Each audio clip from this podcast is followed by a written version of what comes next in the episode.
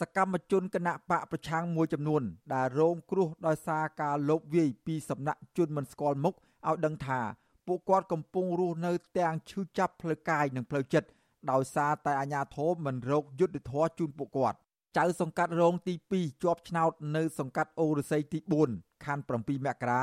អ្នកស្រីទេពច័ន្ទសុខៃយ៉ារៀបរាប់ថា រយៈពេល7ឆ្នាំមកហើយដែលអ្នកស្រីត្រូវជន់មិនស្គាល់មុខ លោកវាយត្រង់ក្បាលបណ្ដាលឲ្យដួលសន្លប់បោកទៅនឹងថ្នល់ប៉ុន្តែរហូតមកទល់នឹងពេលនេះសមត្ថកិច្ចនៅមិនទាន់ចាប់ជនដែលដល់យកមកផ្ដន់ទោសនៅឡើយទេអ្នកស្រីឲ្យដឹងថាក្រោយរងនៅអំពើហិង្សាកាលពីចុងឆ្នាំ2019មកជើងនិងដៃខាងស្ដាំរបស់អ្នកស្រីពិបាកធ្វើចលនានិងឈឺចុកចាប់ស្ទើររាល់ថ្ងៃជនរងគ្រោះរូបនេះបន្ថែមថាអាការៈនេះមិនថមថយទេ ទោះបីជាលោកស្រីទទួលបានការព្យាបាលពីគ្រូពេទ្យខ្លះៗក៏ដោយ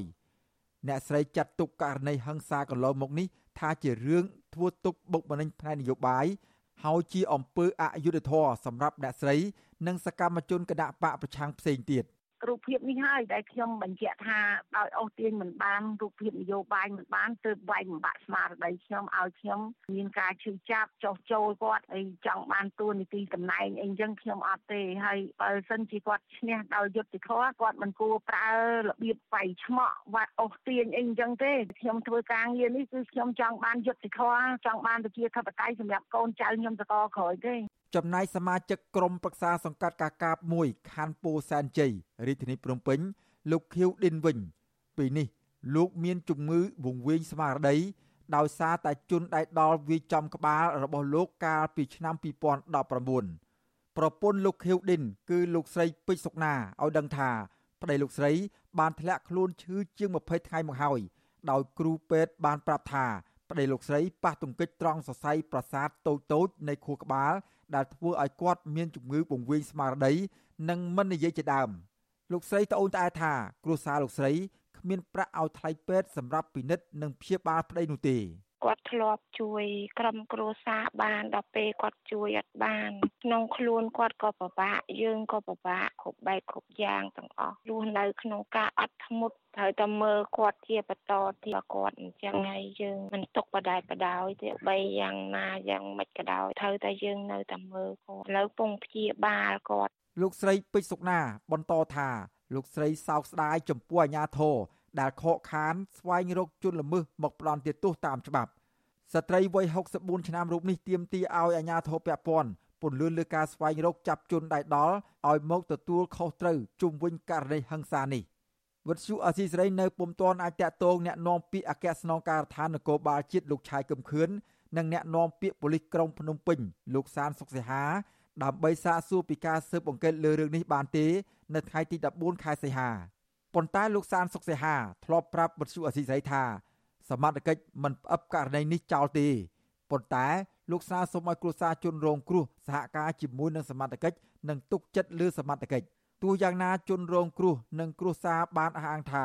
នេះគ្រាន់តែជាលេសដោះសាររបស់អាជ្ញាធរតែប៉ុណ្ណោះពីព្រោះអាជ្ញាធរមិនដែលផ្ដល់ព័ត៌មានអំពីការវិវត្តនៃដំណើរការស៊ើបអង្កេតដល់ពួកគាត់នោះឡើយក្នុងរយៈពេលជាច្រើនខែកន្លងមកនេះ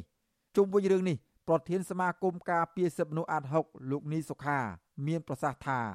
សង្គមស៊ីវិលសោកស្ដាយចំពោះអាញាធររដ្ឋាភិបាល ដែលមិនបានវេកមុខជលល្មើសយកមកផ្ដន់ទោសទៅតាមច្បាប់លោកថាការខកខាននេះគឺបង្ហាញពីអសមត្ថភាពរបស់អាជ្ញាធរនិងការរើសអើងនិន្នាការនយោបាយដែលបញ្ហានេះបង្កើតឲ្យមានអំពើនិទានភាពនៅក្នុងសង្គមកម្ពុជាលោកជំរុញឲ្យស្វែងរកមុខជនដែលដល់និងអ្នកពាក់ព័ន្ធយកមកផ្ដន់ទោសតាមច្បាប់ ខ្លះជនរងគ្រោះខ្លះគាត់អត់ប្តឹងតែម្ដងដោយសារតែគាត់ហាក់បីដូចជាខ្វះនៅជំនឿទៅលើសមត្ថកិច្ចពីព្រោះថាសមត្ថកិច្ចមិនដែលវែកមុខរកជនល្មើសឃើញផងដូច្នេះហើយយើងមើលឃើញថាបើយើងប្រៀបធៀបទៅនឹងករណីមួយចំនួនផ្សេងទៀតដែលសមត្ថកិច្ចហាក់បីដូចជាយើងមើលទៅឃើញមានសមត្ថភាពខ្ពស់ណាបាទដូចជារឿងកម្មជនបពប្រឆាំងមួយចំនួនគ្រាន់តែបញ្ចេញមតិគ្រាន់តែទៀមទាតវ៉ាអីហើយអ្នកខ្លះនឹងទៅចាប់ដល់រែងតាមព្រំដែនទៅទៀតនោះ ករណីហិង្សាលើសមាជិកគណៈបកសង្គ្រោះជាតិនិងក្រុមគ្រួសាររបស់ពួកគេកើតមានច្រើននៅចន្លោះឆ្នាំ2019និងឆ្នាំ2020នៅពេលដែលស្ថានភាពនយោបាយឡើងកម្ដៅខ្លាំងជាពិសេសការប្រកាសវិលចូលស្រុកវិញរបស់លោកសំរងស៊ីសកម្មជនគណបកប្រឆាំងនិងសាច់ញាតិរបស់ពួកគេជាង30នាក់ត្រូវបានជន់មិនស្គាល់មុខលួចវាយដំបណ្ដាលឲ្យរងរបួសធ្ងន់ធ្ងរហើយជនរងគ្រោះខ្លះបានស្លាប់និងធ្លាក់ខ្លួនពីការអស់មួយជីវិត ករណីហិង្សាទាំងនោះភ ieck ច្រើនបំផុតអាញាធរមិនបានចាប់ខ្លួនជនដែលដល់យកមកផ្ដន់ទាទោសឡើយជនរងគ្រោះខ្លះមិនត្រឹមតែមិនទទួលបានយុត្តិធម៌នោះទេ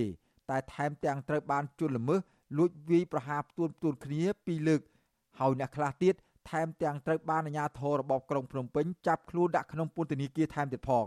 ក្រុមអង្គការជាតិនិងអន្តរជាតិរួមទាំងអង្គការសហប្រជាជាតិផងបានសម្ដែងក្តីព្រួយបារម្ភយ៉ាងខ្លាំង ចំពោះអំពើហិង្សាលើសកម្មជនគណបកសង្គ្រោះជាតិជាញឹកញាប់នេះពួកគេចាត់ទុកករណីទាំងនេះថាជាការធ្វើទុកបុកម្នេញផ្នែកនយោបាយដែលត្រូវតែបញ្ឈប់ជាបន្ទាន់